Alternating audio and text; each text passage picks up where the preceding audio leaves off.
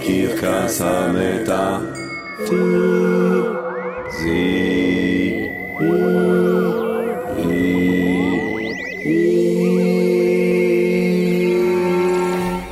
עם ג'רמי פוגל.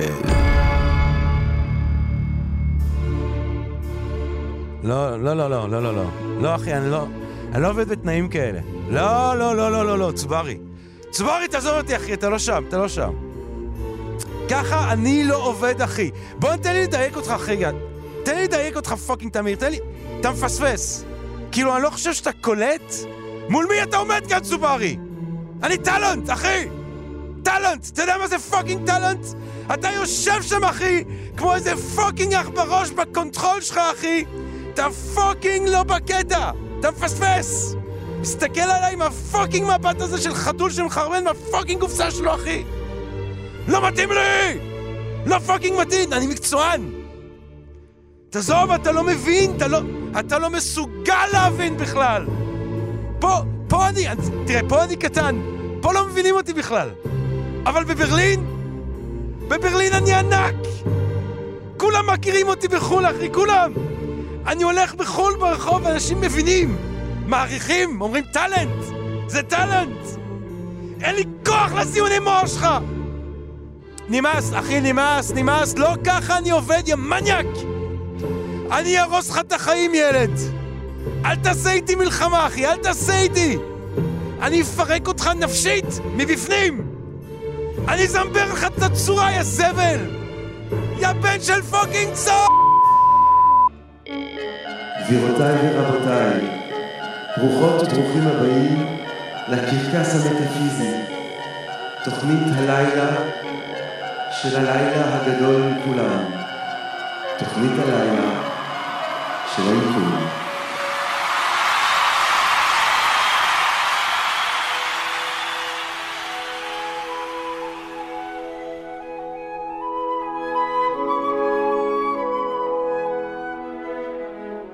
והפעם פרק שהוא כולו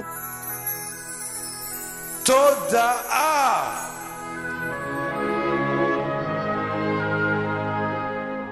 מסתורין התודעה כאן איתנו היום בערב בקרקס המטאפיזי, גבירותיי ורבותיי! השאלה היסודית אולי ביותר, המסתורין הראשיתי של קיומנו, תודעתיות! כדי לנסות לתהות לגבי תודעה. אנחנו שמחים, נרגשים, מתגאים לארח כאן היום בערב את פרופסור עודד מימון, שחוקר את המתמטיקה של התודעה.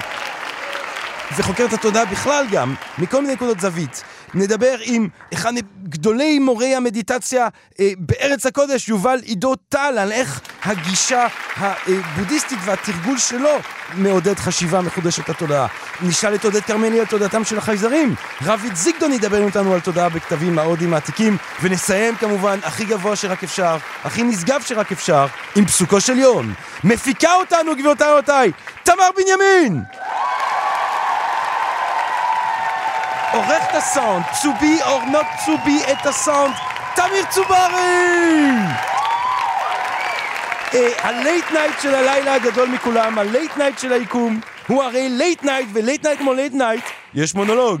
גבירותיי ורבותיי, המונולוג, נוגי music!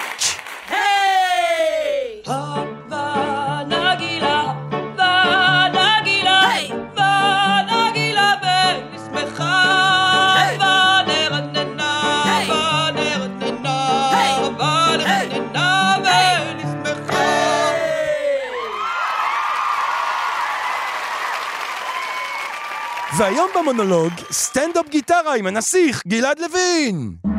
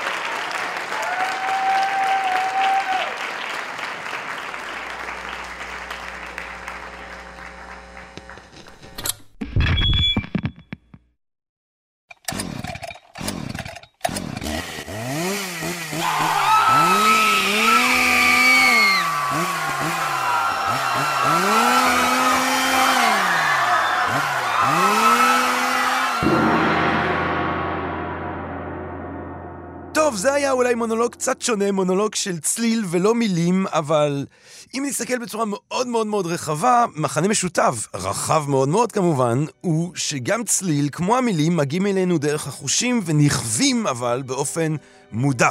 אנחנו מודעים לצליל ולמילים. אנחנו מודעים נקודה. וזה טירוף, גבירותיי ורבותיי. פילוסופיה, אומר לנו סוקרטס בתיה טיטוס, מתחילה בפליאה. תאומה זין, בפליאה. עצם היש, עצם זה שיש משהו זה דבר מטורף, זה דבר מפליא. אבל אחד מהדברים הכי מטורפים שמתרחשים בעצם היש המטורף הזה, זה עצם היותנו מודעים, תודעתיות. יש ביש כל מיני חפצים, כל מיני כוחות, אבל יש מבחינתנו קודם כל תודעה. קודם כל יש ערנות.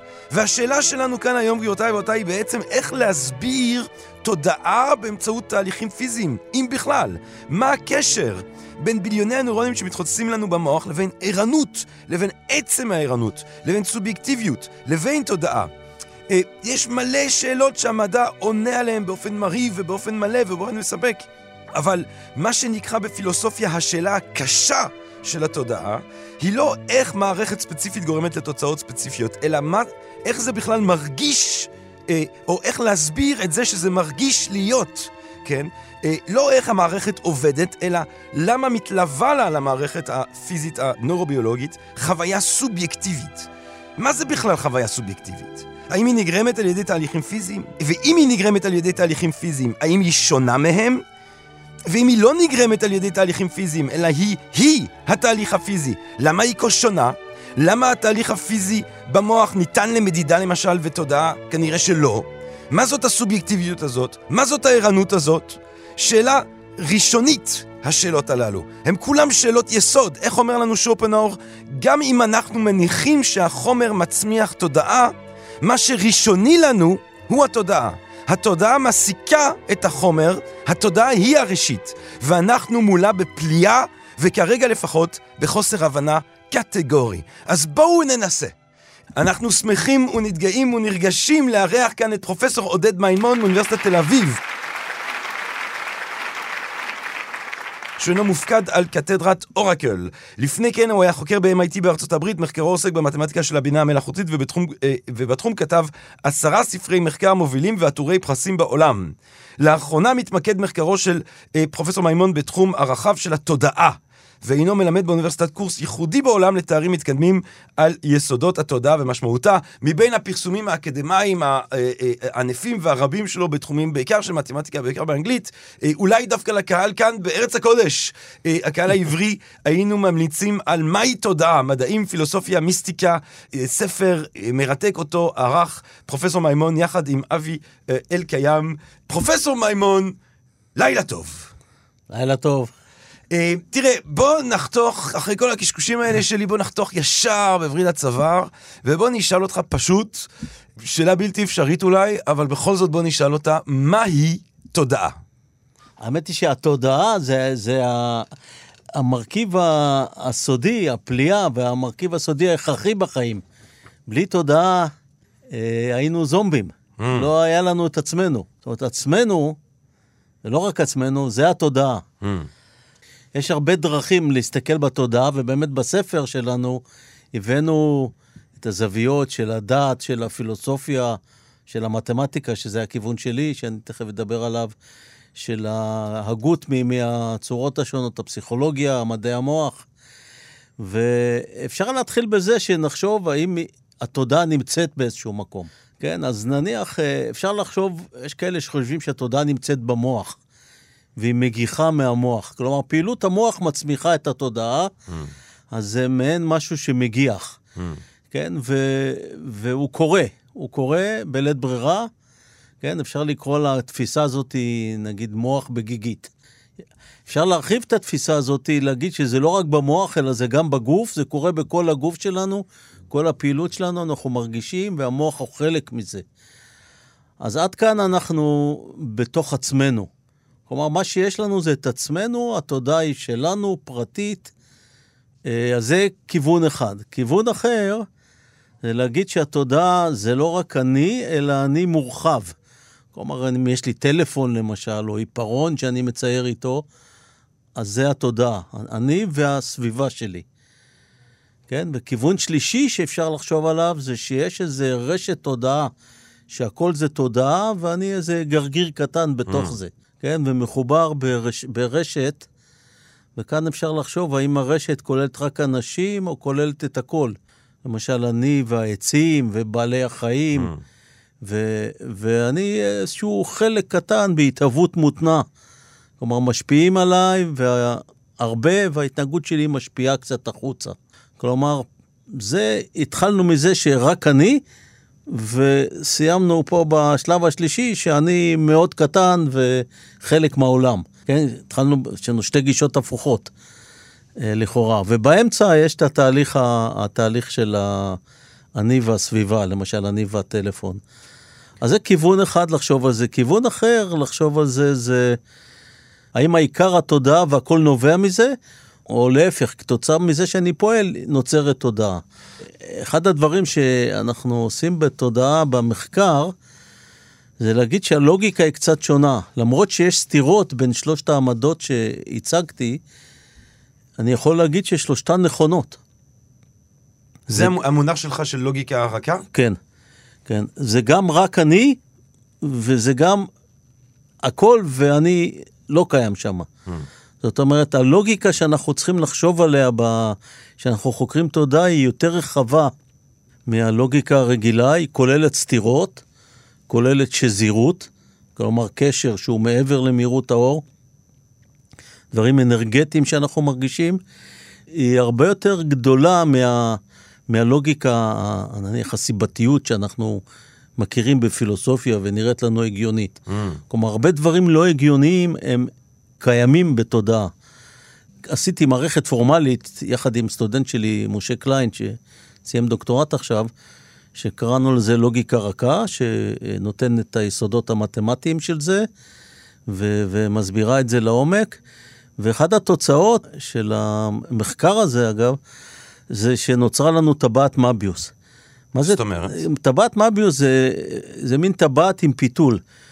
כלומר שבאופן נקודתי יש שני חלקים, יש כן ולא, יש זה לעומת זה, אבל באופן גלובלי, בגלל הפיתול, הדברים מתחברים. הלא מתחבר עם הכן, והכן עם הלא. אז, אז גם מבחינת ממדים, זה לא דו-ממדי, אלא זה שניים וחצי ממדים. כלומר, אנחנו צריכים, אה, אם אנחנו עכשיו רוצים אה, אה, להיכנס לזה, אנחנו צריכים ככה להיות קצת יותר גדולים מעצמנו הרגיל. לא שעצמנו הרגיל לא קיים, אבל קיים לנו עוד ממד אינסופי כזה, שרוקד ביחד. וזה מה שמרתק אותי בתודעה. כן? פתיחת המנעד, פתיחת הקונטקסט. זאת אומרת, הת- התודעה הפרטיקולרית הסובייקטיבית שלי היא גם פרטיקולרית, אבל היא גם כללית, אוניברסלית, היא גם שותפה לאיזושהי תודעתיות אה, אה, אה, אה, אה, אה, כללית של עצם היש. בדיוק, בדיוק. עכשיו, אני, אני, אני, אבל, אני אבל רוצה לחזור שנייה, אה, לתקוף את השאלה הזאת, אה, ברשותך, סביב ה, אולי הביטוי הבולט שלה בפילוסופיה, שאלת גוף נפש. ולנסות לברר מהי העמדה שלך שם.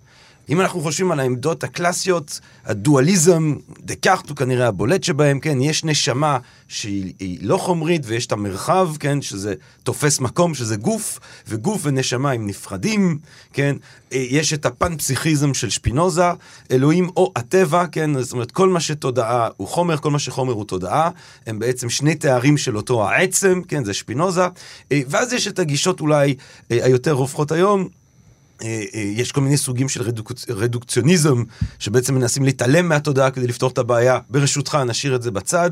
זה לא, אותי זה, כן. זה מאוד לא משכנע. גם אותי אה, לא, אז אה, אני שמח שאנחנו משאירים את זה בצד.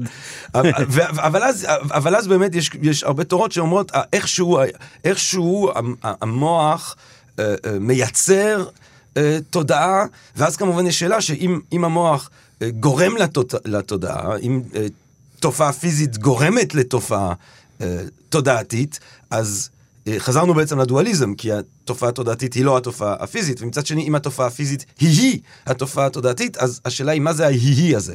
איפה, איפה אתה ממקם את, ה, את הגישה שלך בין האופציות הקיימות, או, או האם זה, זה, זה סוג של דבר שמתעלה ומתגבר על הפרדיגמות הקיימות? אז מה שאמרת בסוף, אני מאוד מתחבר עם זה, ב- בשני אופנים. קודם כל, מבחינתי, מבחינת הסובב והמסובב, אז התודעה היא הסובב, זה האינפורמציה, המידע, אפשר להגיד במובן קצת יותר, אה, אה, יותר קונקרטי, וממנו, בין היתר, נוצר החומר ונוצרת הפעילות, אבל התודעה היא המקור להכל. מה אתה אומר? ו- והיא הדבר המיוחד שלנו. ולא רק שלנו כבני אדם, אלא בכלל. ו- בכלל של בעלי החיים? בכלל של הכל. חי, צומח, דומם. זה יכול להיות במובן לטנטי, כלומר שזה פחות אה, יוצא לפועל, אבל גם לצמחים יש את זה, וגם לבעלי חיים, וגם בכלל. ואני הייתי מרחיב את ה, מה שאנחנו קוראים מודל גוף נפש, את השאלה הזאת, הייתי מרחיב אותה, ש, שזה לא רק גוף נפש, יש פה גם רוח בתור, בתור קומפוננטה, מעבר לפסיכולוגיה, נניח הקוגניציה, שהיא בתוך המונח נפש, או באנגלית זה mind, אין את זה בדיוק בעברית, אבל... אה, אז הייתי מוסיף גוף, נפש, רוח, וגם אה, סביבה. כלומר, יש בזה אה, ארבעה מרכיבים, והכל, התודעה היא, היא כל המרכיבים האלה ביחד. כלומר, השיח הוא לא רק על, ה, על הגוף נפש, אלא הוא על הגוף נפש, רוח אה, וסביבה. כן, ואז, ואז כל הארבעה האלה חיים ב- באיזושהי, באיזשהו ריקוד משותף כזה, Mm. כאשר יש לך השפעות מהסביבה, אבל יש לך גם השפעות על הסביבה. והדברים האלה הם חי... חווייתיים. זה המילים הן לא מספיקות כאן. Mm. אתה חייב לעשות איזשהם תהליכים פנימיים עמוקים שלך, של הסובייקט, בשביל להבין את הדברים האלה. אחרת זה מילים, מונחים ש... ש... אבל אני, האם אני יכול אז לומר שאתה, אה, זאת אומרת, יש לך עדינויות ומורכבות מחשבה מעבר אה, רק לכותרת, אבל אתה אה, פן פסיכיסט. זאת אומרת, אתה חושב שכל דבר שקיים הוא גם תודעה. או תורה הרי אה, בעלת אה, אה, כבוד עילאי בהיסטוריה של הפילוסופיה, כי זה לא רק שפינוזה, זה גם מי שנתפס כפילוסוף הראשון, טאלס, שכולנו אולי כן. זוכרים את המשפט שלו, הכל מים, אנשים פחות זוכרים את המשפט שלו, הכל מלא באלים. זאת אומרת, הכל הוא פיזי, אבל הכל הוא, הוא, הוא תודעתי. זה, מה, זה, זה הכיוון שאתה הולך אליו, אם אני מבין אותך נכון? זה הכיוון שאני הולך אליו, ואני חושב שאני אפילו יותר קיצוני מזה. כן, אני מתחבר לביטוי של טלס, הכל מים, והייתי אומר, הכל תודעה. כן. אבל בשביל... אה, ברגע שאני אומר הכל תודה, אני יכול אה, פה להפסיק את השיחה איתך ולהגיד, זהו, אמרנו הכל, אין כן. מה להמשיך. כן. אבל בכל אופן, בשביל להיכנס קצת לפרטים ולנסות לראות איך, איך אנחנו חווים את זה, כן? איך זה גוף ראשון. אה, ומי זה, מי השאלה, אחת התשובות לשאלה מהי תודעה ששאלת בהתחלה, זה אני יכול לשאול בת- בתור שאלה, שאלה נגדית, מי אנחנו? who am I? who is in? כן, כן, כן, זו שאלה אקוויוולנטית. כן. והתשובה עליה היא, היא חייבת לבוא גם מבפנים וגם בהכרה של החוץ. אבל אתה, הרי. אתה, אתה, אתה, אתה אה, אה, מתמטיקאי, זאת אומרת, אתה מנסה לגשת לסוגיות האלה, לא רק כבן אדם אה, שחווה וחוקר ברמה החווייתית מצבי תודעה אה, אה, כאלה ואחרים, אתה גם, ועל כן גם עצם התודעה, אה, אתה גם מנסה לגשת לזה מבחינה מתמטית. מה, מה, איך המתמטיקה יכולה לעזור לנו בכלל בסוגיות כאלה? אז קודם כל, אני חושב, פה זה כבר אולי הרקע שלי, שהמתמטיקה היא, היא מביאה את ההבנה של העולם. כן, ואם אנחנו רוצים אי פעם לחקור את התחום, צריכים תשתית, אה, תשתית מתמטית, של מודלים מתמטיים. כן, אני לא שבוי במודל כמו, ש, ש... אני אתן איזה דוגמה אולי, איך אני מתייחס למודל שלי, שאני מאוד אוהב אותו אגב. אה, מודל של מזג אוויר לא מביא את הגשם. כן, אז, אז כל הכבוד למודל, אבל גם צריך את ה... זה תחזית וזה כן. כלים, אבל זה לא יוריד את הגשם, כן? אז כן. ה... יש את החוויה של התודעה ויש את המודל של התודעה, שזה שני דברים שעובדים ביחד. ובמודל שלנו של התודעה, שפרסמנו כמה מאמרים, אגב, וגם לימדתי את זה בתור קורס לתארים מתקדמים באוניברסיטה, יש את ה...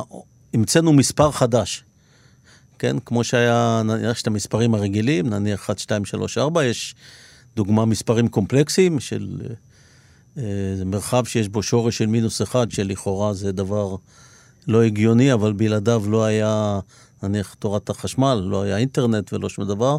אז אנחנו המצאנו מספר חדש שנקרא מספר רך, שיש בו את האלמנט של המספרים הרגילים, ויש בו גם אלמנט של מספר, אה, ב, בזה שלקחנו את, את ציר האפס וניפחנו אותו, כאילו הרחבנו אותו. כלומר, אם אני שואל אותך את השאלה, למשל, כמה זה 5 חלקי 5? אז תגיד שזה 1, Mm, כי 5 שווה 1 כפול 5. mm. אבל אם אני שואל אותך את השאלה כמה זה 0 חלקי 0, מה התשובה? התשובה המקובלת מפעם הייתה שזה לא מוגדר. התשובה שלנו שזה כל מספר. Mm. כי 0 זה כל מספר כפול 0. 0 זה 5 כפול 0, 4 כפול 0 וכן הלאה. אז יש לנו ציר שלם שהוא, שהוא לכאורה כולו באותו מקום, אבל בעצם הוא מרחב אינסופי, ו, ובתוכו, בתוכו, בתוך המרחב האינסופי הזה חלים תהליכים. כן, תהליכים נניח פסיכולוגיים, תהליכים שקורים בחלום, שבעצם בחלום אתה יכול לעוף מכאן לשם, אתה יכול לעשות הרבה תהליכים שהם בפועל קורים אצלך, זה תהליכים שקיימים, אבל הם לא מוגבלים מבחינת, ה... מבחינת ה... הכוח הכובד, מבחינת מהירות האור וכן הלאה. אז המספר הרך כולל את שני הדברים האלה, מעניין. ואת החיבור ביניהם. ואני מאמין, כאן עוד לא הוכחתי, כן, שפה יש איזשהו אה, אה, קונספט שיוכל להביא את, ה, את לימודי התודעה אל האוניברסיטה.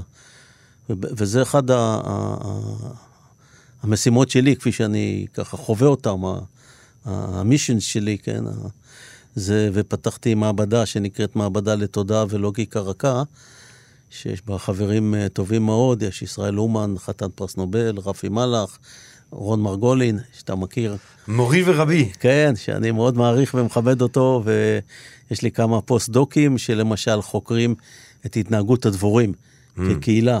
Mm. מה מש... איך, איך בונים קהילה. hive as-.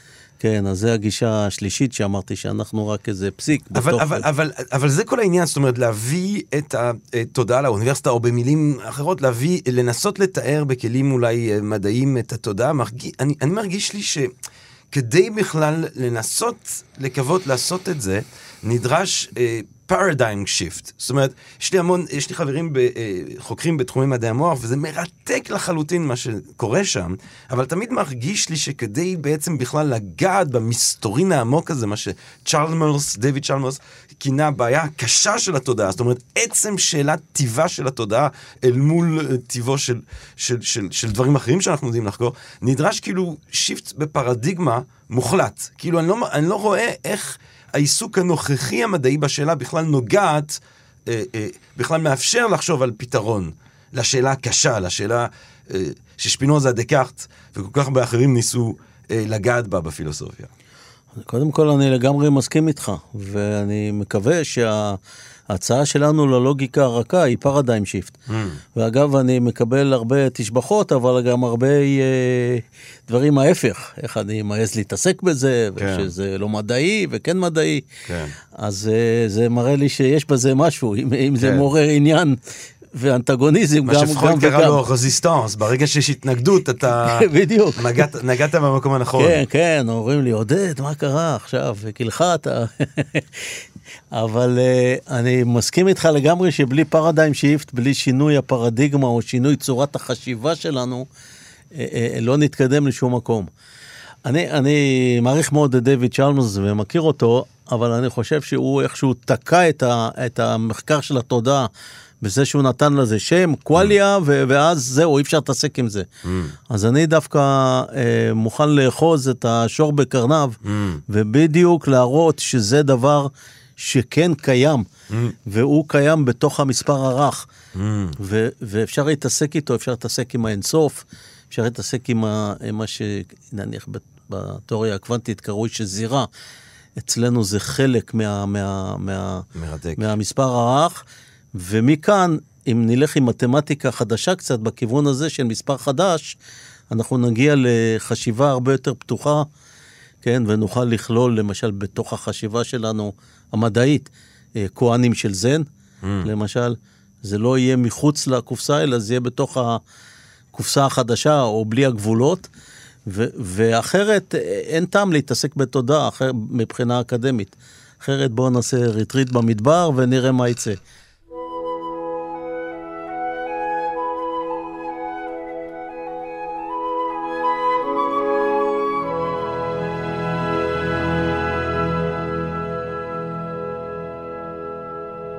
אנחנו שמחים ונרגשים לארח כאן בקרקס המטאפיזי את יובל עידו טל, שהוא מורה ותלמיד בדרך הזן אה, דווקא, אה, מנהל בית הספר פסיכודרמה ללימוד ואימון בתורת הנפש הבודהיסטית, מחבר הספר משירי אגאווה יוקי מוצי, וגם כמובן בודהיזם מבוא קצר, אבל בעיקר אולי יובל עידו טל הוא מדיטטור, כן? הוא יושב ובוחן את התודעה באופן בלתי אמצעי, חווה את התודעה במלוא אה, הערותה, אה, לשם הוא מכוון בעצם את התרגול היומיומי, אז נראה לי שאולי זה גם יהיה מעניין לשמוע את התובנות שלו אה, בנוגע לסוגיות הללו שאנחנו מדברים עליהן כאן. אה, יובל עידו טל, לילה טוב. לילה משובח. אז בוא, בוא, בוא נתקוף את, את, את הסוגיה כאן, אה, גם איתך ישר בברית הצבא, ואני רוצה לשאול אותך בדיוק את השאלה ששאלתי את אה, פרופסור מימון. אה, כן. מהי, יובל עידו טל, מהי תודעה? קודם כל, דבר מסתורי ביותר, שלא מובן לי בשום צורה, קודם כל, זה המיסטריום טרמנדום בהתגלמותו. אני חושב שזה משהו שאני חוקר אותו כל החיים, וככל שאני חוקר אותו יותר אני מבין אותו פחות, מה, ש- מה שרק עושה לי קידה יותר ויותר ויותר עמוקה לערפיליות שבאיך שאנחנו מתייחסים לתודעה, יש בזה משהו שמרגיש לי נבון מאוד ונכון מאוד. בלא להגיע לאיזושהי הגדרה מוצקה ומדויקת למה זה תודעה. יש המון המון שיח בשנים האחרונות על מה זה, מהי תודעה. והמקומות שבהם השיח הזה הכי מדלדל, זה בעיניי כשמנסים להצליח להגדיר. ו... ויש משהו ב... ב... בשוטטות במרחבים האלה של תודעה, שהוא מצד אחד מאוד מאוד אינטואיטיבי. אין בן אדם שאתה אומר לו תודעה או מודעות והוא לא מבין על מה אתה מדבר, מצד אחד. מצד שני, כשאתה מתבונן בזה לעומק, זה מיד מתפרק לך. זה כמו התמונות תלת מימד האלה, ש... אתה, אתה לא יכול להסתכל על זה בהתבוננות רגילה. בהתבוננות רגילה, it just doesn't make any kind of sense. זה, יש איזה תרגיל נגיד שאנחנו נוהגים לעשות בעולמות הבודהיסטיים של להתבונן בתופעות. נגיד אתה שם לב לצליל. אתה מנסה להסתכל מה זו התודעה הזאת שמתבוננת בצליל. אז אתה מתבונן בהתחלה באובייקט, ואז אתה מתבונן במתבונן. ואחר כך אתה מתבונן במתבונן במתבונן, כי הרי כביכול יש שם איזה אחד שמסתכל על אחר. אבל זה לא אחד שמסתכל על אחר, זה אחד שמסתכל על עצמו. אבל זה לא בדיוק עצמך גם. וזה פלונטר שמתחיל כבר בסין העתיקה, יש שיח על זה, שבו טוען אחד הטוענים, אה, אה, תודעה לא יכולה להסתכל על עצמה. כי אם, אם משהו מנסה להסתכל על עצמו, הוא לא יכול לראות את עצמו. הנרי דיוויד תורו אמר שלהתבונן בעצמך זה בערך קשה כמו להסתכל אחורה בלי להסתובב. טיעון המחץ של היריב שלו היה שאור מאיר גם את האובייקטים Mm, שעליהם. הוא נופל וגם את עצמו. ולכן אני, אני יכול, כל פעם שאני מתבונן בתודעה, אה, ישנו הפרדוקס הזה שנמצא שם, קורה שם המשהו הזה שהוא לא ניתן לעיכול. כן, ג'רמי. הת- התרגול התודעתי הזה שאתה, שאתה מתרגל יום-יום, שאתה מלמד אה, כן. כל כך הרבה שנים, הוא, הוא, אתה יכול אולי לתאר איך הוא שינה לך את האופן שבו בכלל אתה ניגש לסוג השאלות האלה? אז קודם כל אני חושב הדבר שאמרתי לך לפני רגע על המיסטריום טרמנדום, אני זוכר שכשזוגתי, אהובתי, אלה, רק הכירה אותי, אז בשיחות הראשונות אה, שהיו לנו, היא שאלה אותי אם אני מאמין באלוהים. אמרתי לה שאני מאמין במיסטריום טרמנדום, אני מאמין במסתורין הגדול. ו...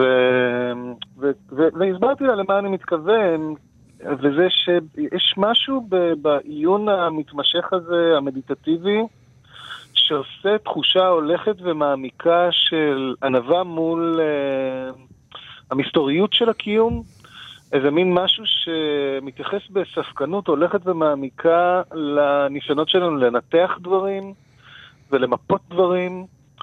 אה, אני זוכר שפעם ראשונה שנסעתי להימאליה, ועמדתי מול הר בגובה של, שהתנסה, הוא 5,500 מטר מעליי, ובחיים שלי לא הייתי בסיטואציה כזאת קודם. והרגשתי נורא נורא נורא קטן, וזה הרגיש מרקיולסלי ממש ממש טוב. ולא הכרתי את הדבר הזה קודם, שיש בכלל האפשרות הזאת להרגיש טוב שאתה מרגיש קטן, תמיד uh, להרגיש טוב היה להרגיש גדול. להרגיש קטן זה בעיה. ו... וגם הדבר הזה הולך ומעמיק. זה לא נעלם, לכולנו יש אגו, וזה לא, אגו לא נעלם. בניגוד למה שמנסים למכור לנו כשמוכרים לנו בודהיזם, שאם רק תעשה בודהיזם כמו שצריך, ואם רק תמדות מספיק לא יהיה לך אגו, יהיה לך אגו. אבל, אה, אבל, זה לא חייב להיות הדבר היחיד שיש לך, זה לא חייב להיות הדבר היחיד שמפעיל אותך. אולי אתה פחות מזדהה איתו. אני חושב, כן. אה, יושב איתנו כאן פרופסור אה, מימון, שמקדם בעצם, אה, אפילו הייתי אומר מהפכה בניסיון האקדמי יותר אה, ומתמטי לגעת בדברים האלה. פרופסור מימון, כשאתה שומע את, את יובל עידותל מדבר מתוך נקודת זווי, זווית שלו כ, כמורה למדיטציה, כמדיטטור בעצמו, מה, איך, איפה, איפה, מר- איפה, איפה זה פוגש אותך? איפה, איפה, איך להתחיל את השיחה ביניכם? קודם כל אני שמח לדבר עם אה, יובל, ואנחנו לא מספיק נפגשים איכשהו, כל אחד נכון. עסוק בדבריו. טוב, לפחות בקרקס אה, המטאפיזי אתם, כן, כן, לגמרי. אבל אה, נכון. אה, אני לגמרי מסכים עם הדברים שלו, ואני אני אמרתי שהתודעה, נתתי את הדוגמה של המזג אוויר, שיש מודלים של מזג אוויר, אבל מזה לא ירד גשם. אותו דבר, אה, אותו דבר כאן, לחקור רק את התודעה, אפילו שזה הכלים הכי נכונים, זה לא מספיק. חייבים לעשות את התהליכים הפנימיים, כמו למשל מדיטציה, שמדיטציה זה דבר מאוד כללי, כמו למשל לעמוד מול הר גבוה, דוגמה נהדרת ש... אה, יובל ש... נתן. שיובל נתן, ו... ולהרגיש קטן וגם לדעת שאני גדול, ולהסתדר עם שני הדברים האלה ביחד, ולראות איזה חוויה אבל אני מנסה לחשוב נוצרת. איך, איך אני מגשר בין סוגי השיח שלכם, כי אני, איפשהו אני מרגיש שלגשר בין סוגי השיח שלכם, זה מתקשר ל, ל, ל, לשאלות שאנחנו מעלות. זאת אומרת, השיח של, של מדיטציה מול השיח של, של מתמטיקה, השיח של החוויה מול השיח של המדע. יובל, אז קודם כל, כן. צריך, צריך לעשות גילוי נאות גם לגביי וגם לגבי עודד. אף אחד מאיתנו לא נוגע רק באחד התחומים. שנינו, אה, אני מקווה שאני לא עושה איזה, איזה הסגרה לא אה, ראויה, אבל עודד מתאמן בעצמו, עודד לא רק חוקר את הדברים האלה. מבחוץ, הוא גם חוקר אותם מבפנים. כן. אה, ואני לא רק חוקר אותם מבפנים, אני גם מאוד אוהב לקרוא. מה מדענים אומרים על תודעה, וזאת עוד פרספקטיבה מאוד לא, מעניינת. ברור, חושב שאחד הפכתי אתכם האנשים- ל- ל- למייצגים של עמדות, כן. כאשר אתם הרבה יותר מורכבים. אז- נכון. אז אז העודד ש... לא, לא, אז תגשר לי בין כן- היובל שקורא מבחוץ לבין היובל שחווה מבפנים, או העודד שחווה מבפנים והעודד שחוקר מבחוץ. תראה, קן ווילבר אה, פיתח אה, גישה שהיא מאוד יפה מהבחינה הזאת, אה, שבה הוא מבקש להסתכל על הדברים גם מבפנים, גם מבחוץ, גם בצורה אינדיבידואלית, גם בצורה קולקטיבית. וכל הגישה של קן ווילברג, הגישה האינטגרטיבית שלו, הגישה האינטגרלית שלו, היא גישה שבאה ואומרת אה, דבר נורא נורא פשוט, אנחנו התרחקנו לתתי התמחויות ותתי תתי תתי התמחויות. אמ, ברמות כאלה שזה נהיה פשוט כבר מגוחך מרוב שזה זה ארורי, הדברים שבהם אנחנו מתבוננים. וההפרדות האלה בין התחומים, הגיע, היה בהם המון המון ערך. זה לא מיותר, זה לא היה טיפשי לעשות את ההפרדה הזאת ולחקור לחקור כל תחום בנפרד. אבל אני חושב שהשלב שאנחנו נמצאים בו היום, בהתפתחות המדע, ובשיח בין מדע לבין חקר חי של התודעה מבפנים, זה מקום שהגיע הזמן שהתחומים האלה יחברו ביחד ויתחילו להשלים אחד את השני. ואתה רואה כבר דברים כאלה קורים, אתה רואה את הדלאי למה מזמן שם לדרמסלה מדענים, לכל מיני כנסים בכל העולם. אה, כל הדברים האלה של חבירות בין אה, מדענים לבין אה, אנשים שמתאמנים במדיטציה, הם, הם, הם צעד אחד שנכון שייעשה לחקר התודעה. That said, זה לא שאי אפשר בלי. זאת אומרת, אם אנחנו מסתכלים מה תכלית אימון התודעה, אימון התודעה לא נועד אה, כדי להצליח להגיד משהו על התודעה דווקא. והסיבות למה להתאמן כן. הן מא- מאוד מגוונות, אה, והן כנראה רק מיעוטן הוא לנסות להבין מה זו תודעה. אני יכול להגיד את אה, עמדתי בעניין הזה, אה, היא, היא, קצת דומה למה שיובל אמר, אבל היא, לפחות ברמה האישית, הניסיון שלי היא יותר חדה. כל המדע שלי בתחום הזה, הוא נובע מהחוויות הפנימיות. זה לא שיש שתי עולמות, יש רק עולם אחד, שכשעושים את המדיטציה או השיטות השונות ש, שקיימות לחקר התודעה האישית, מכאן נובעים גם המודלים. כלומר, כיוון שההכשרה שלי היא, היא פורמלית, נניח מתמטית פורמלית ואלגוריתמית, אז, אז אני מצליח לנסח את זה בצורה הזאת, כמו שמשורר היה מנסח את זה ב, בשירה, כן? אז, אבל ה, הכל נובע מתוך החוויה הפנימית ומתוך האימון הפנימי, למשל מהסוג שיובל מעביר, ומכאן יש את ההשראה ל, אה, אה, לשאר הדברים. זה, זה אותו דבר, זה לא מנותק. Hmm. זה לא שני דברים שונים.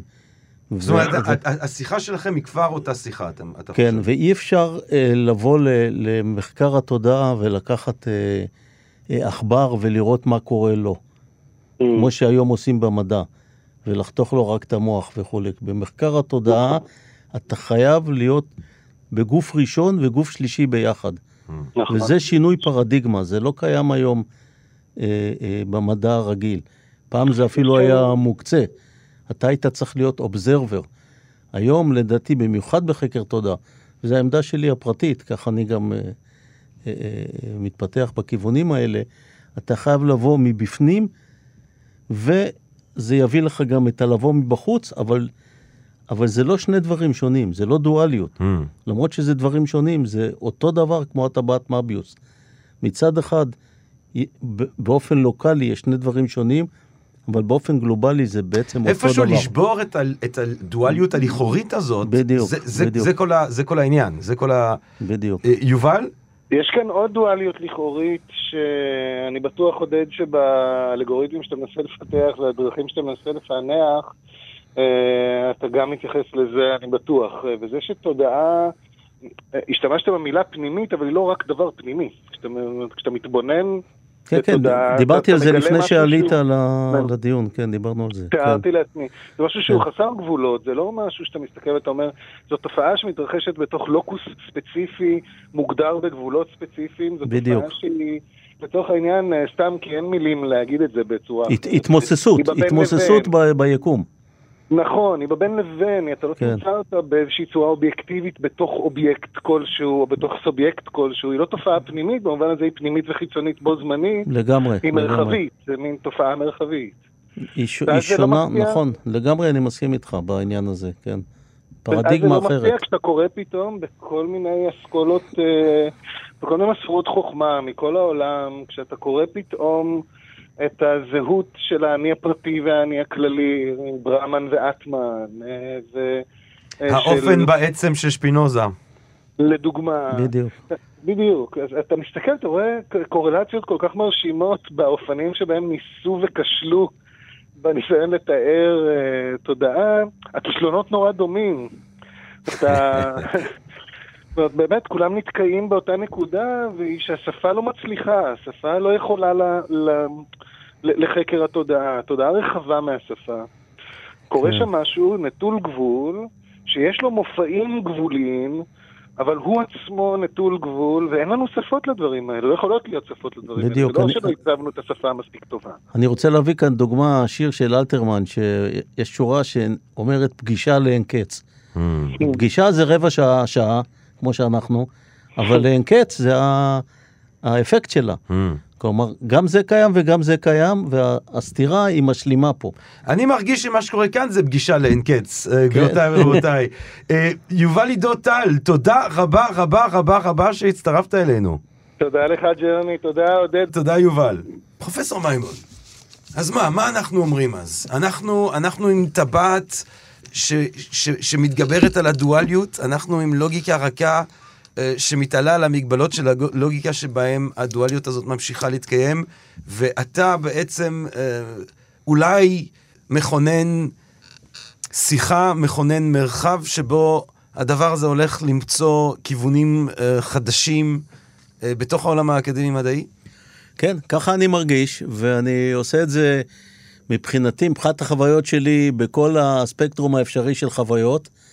מבחינת המדע אני עושה את זה בזהירות. למשל, במאמר אה, של אה, משה קליין ושלי על הלוגיקה הרכה, אנחנו לא מזכירים תודעה, זה הכל אה, סימבוליקה. שזה, וזה התפרסם בעיתון מתמטי. אז מי שרוצה לקבל את זה כתחום מתמטי יכול, מי שרוצה לקבל את זה כ, כתשתית ל, לבניית שיח מדעי בהמשך, אני מאוד מקווה שזה מה שיקרה עם זה. זה לפחות הכיוון שלי. פרופסור עודד מימון, אני רוצה להודות לך מאוד על שיחה מרתקת. אני רוצה אה, להודות לך מאוד על האומץ שלך ועל הנכונות שלך ללכת עם המחקר הזה מעבר לגבולות הצרות מדי אולי, שכרגע מנהלות את השיח של אה, תודעה בעולם המדעי. אני רוצה לאחל לך, בשביל... כל ייצור אה, מודע בשביל עצם התודעה, לאחל לך בהצלחה רבה ב, ב, בהמשך של המחקר הזה ובהמשך של העבודה הכל כך חשובה הזאת שלך. ואני רוצה להודות לך שבאת לקרקס המטאפיזי לחלוק את התובנות שלך. תודה, להתראות. כתבנו לענייני חייזרים, עורך השירה של התוכנית, עודד כרמלי, כרמלי, כרמלי. טוב, בשיחה כזאת אנחנו חייבים, חייבים גם להתייעץ עם הכתב שלנו לענייני חייזרים ועורך השירה של התוכנית עודד כרמלי! ג'רמיה פרוג! עודד כרמלי, ערב טוב, נשמה צדיקה, יפיוף. חתיך, אש. עוד שלי, יצור אמפיבי שלי. טוב, תקשיב, בוא נחתוך פה ישר לווריד הצוואר. אני רוצה לשאול אותך שאלה אחת. כן. אמ, עד כמה התודעה של החייזרים תהיה שונה משלנו? זאת אומרת, למה אנחנו בכלל מניחים שיש להם תודעה, יש- ו- ובהנחה שהם תודעתיים, כמה היא תהיה שונה מזו שלנו? תראה, אה, תודעה תהיה להם, כן, אה, כל יונק יש לו תודעה מן הסתם, הם לא יכולים להיות תבוניים בלי תודעה, אנחנו מדברים על חייזרים תבוניים עכשיו, כן, לא על יצורים חד-תאיים באיזה ביצה שם. אה, מה שכן, ג'רמיה, חי- חייזרים לא יפתרו לך את בעיית הגוף והנפש. למה? כי הם חייזרים, הם לא אלוהים, אוקיי? אתה חושב על חייזרים כאיזה אח גדול, או איזה אבא משקיף עליך מלמעלה, אבל אם יש חייזרים, הם חושבים שאתה אלוהים, שאתה האבא, אוקיי? אז נכון שהם כנראה יהיו מפותחים בהרבה מאיתנו מבחינה טכנולוגית, כי כדור הארץ בין 4.5 מיליארד שנה, הגלקסיה בת... אה, אה, 14. 14 כמעט, כן, 13, אה, אז הם כנראה יש להם פורום מטורף עליהם טכנולוגית, הם יוכלו לה- להצביע כאילו ב, על האזור הספציפי במוח שבו נוצר הכאב שלהם, אבל עדיין לא תוכל להרגיש את הכאב שלהם, ג'רמיה, כי התודעה היא כלא שכולנו חולקים. אבל אוקיי, אנחנו לא בדיוק פה לך- מדברים עם פרופסור עודד מימון על shift פרדיגמטי, כדי בכל זאת לנסות לפתור את הבעיה הזאת, לפתור את בעיית גוף נפש, לפתור את הבעיה של תהליכים פיזיים אל מול תהליכים קוגניטיביים שאנחנו מזהים ככאב. אולי אם יש להם כמה מיליארדים פער עלינו, הם הצליחו גם את זה לפתור. לא, לא, לא, אני חושב שזה דבר בלתי פתיר, אני חושב שאי אפשר לעשות רדוקציה פיזיקלית לתודעה בכלל. Mm. אני אף פעם לא אדע איך זה להיות ג'רמי פוגל מבפנים. Mm. ולכן ג'רמי פוגל וחייזר זרים לי באותה מידה. Mm. זה כמו להגיד אין סוף וטיפה. כן, עכשיו אתה יכול כמובן אה, לזהות תודעה, כמו שאתה מזהה תודעה אצל חתול, כן, אתה מושך לו בזנב, הוא obviously לא מרוצה מזה, אתה מזהה את זה כאילו, אבל אתה מזהה את זה דרך אמפתיה. אתה לא יודע איך הוא מרגיש באמת כשאתה מושך לו בזנב. Mm. אז ככה החייזר, אתה תזהה לפי אמפתיה מתי הוא שמח, מתי הוא עצבני, מתי הוא רעב, מתי הוא בא להשמיד את וושינגטון די.סי, אבל אתה יודע, לא יהיה לך אף פעם דרך לדעת מה עובר לחייזר בראש, כי שלחייזר אין שום דרך לדעת מה עובר לחייזר אחר בראש. לעולם לא. עצוב. התודעה היא, נכון, התודעה היא טירה מוקפת תעלות ו- ותהומות, ואין, אי אפשר כאילו. אז זה אולי מה שמכונן הדרך, אותנו כאינדיבידואלים, ג'רמי פוגל. אולי הדרך כאילו בכל זאת להיות שותף תודעתי לאדם אחר, לישות אחר, היא דרך השירה. דרך השירה, זה, זו, זה, אני חושב שזו הדרך הכי טובה לבטא. אתה אומר, אוקיי, אני לא יכול להרגיש את האהבה שלך, אבל אתה יכול לבטא אותה באופן כזה שיגרום לי לחשוב על האהבה שלי. אז איזה משורר או משוררת אתה מביא לנו כאן היום, בתוקף תפקידך הרם כעורך השירה של התוכנית? וואי, כמה כובעים, כמה כובעים על ראש קרח אחד. ספיר יונס! הגאונה החדשה, פורצת הדרך, של ספר ביקורי יראה אור, אני רוצה להאמין בקרוב, היא מדברת על זה כבר שנתיים, אבל בקרוב מאוד. ספיר יונס! ספיר יונס, גבירותיי ורבותיי, ותודה לעודד כרמלי, עורך השירה של התוכנית וכתבינו לענייני חייזרים. אחווה מקורנו בזרימתן של האגדות החבויות במים. השובל מתפרץ ומתאמץ לחיות, ובינתיים המזרקות זורקות אדום. רעננות המים יכולה להתל. הורדים נצבעים רק כדי לנבול ולהנץ, ככלניות. אלו תמיד הכלניות. לא די לכלניות. יש להקדיש לכלניות יותר מרגע אחד בכל יום. האדום מכריח את היד לגשש את קו המתאר של חברתה. חורבת הגוף מסגירה את הדובר. זיכרון נאגר בתרמיל שמישהו מייחל לפריחתו. התרמיל מתפוצץ, מגרגיריו ומתפזר ברוח, מסתיים כגלגל. הוא אינו יכול למות. הוא אינו יכול למות מבלי להותיר אחריו את כל מה שאיגם ורוצה להיות לצבר, מוזרק בעדנה אל נימי כנפיים, ספון בזרימתן של האגדות החבויות במים.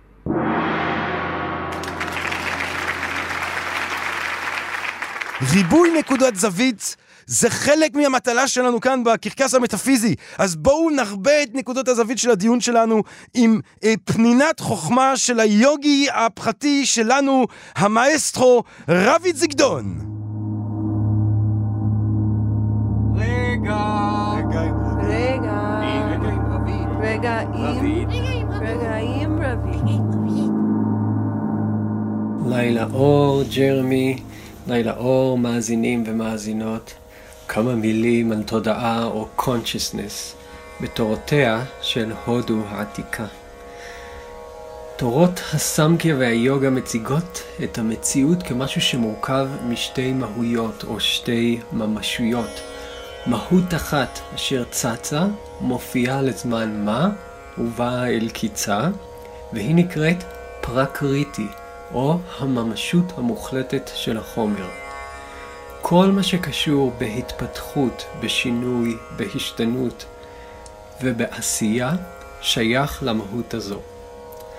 ולעומתה, ישנה מהות נוספת, אשר לעולם בעינה עומדת ללא שינוי, שרירה וקיימת, והיא נקראת פורושה, או הממשות המוחלטת של הרוח.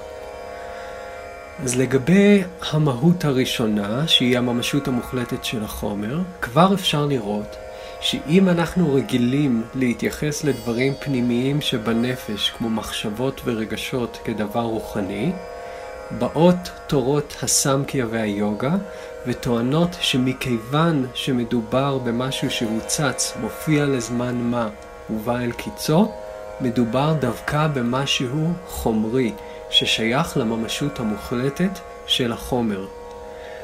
אמנם מדובר בחומר דק או מנטלי ולא בחומר גס או פיזי, אבל בכל זאת מדובר בחומר.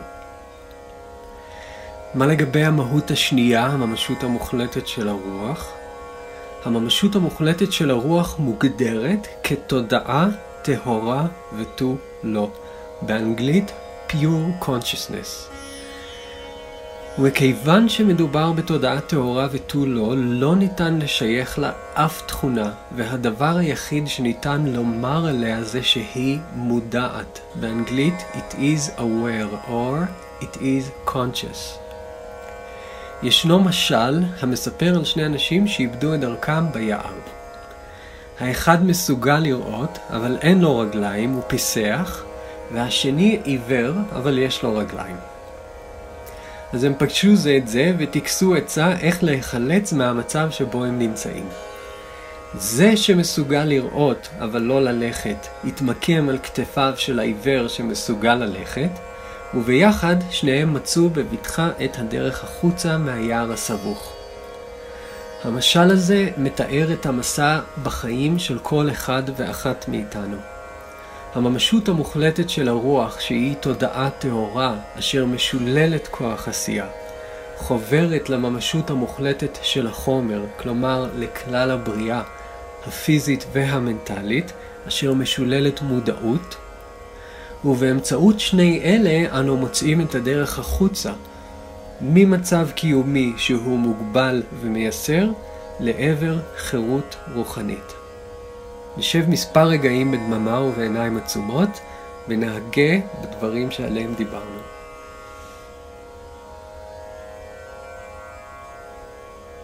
תודה ג'רמי, תודה רבה למאזינים, ולילה אור לכולם. הקרקס המטאפיזי אנחנו בגבוהים, אנחנו כבר בגבוהים בגבוהים, גבירותיי ורבותיי, אה, אחרי התוכנית המדהימה הזאת. אבל כדי להגיע לגבוה יותר מכולם, גבירותיי ורבותיי, אנחנו מגיעים ליואב ויואב עזרא לפסוקו של יום. אני רוצה להודות לתמר בנימין, אני רוצה להודות לצוברי, ואני רוצה לומר לכם דבר אחד. על שלושה דברים העולם עומד.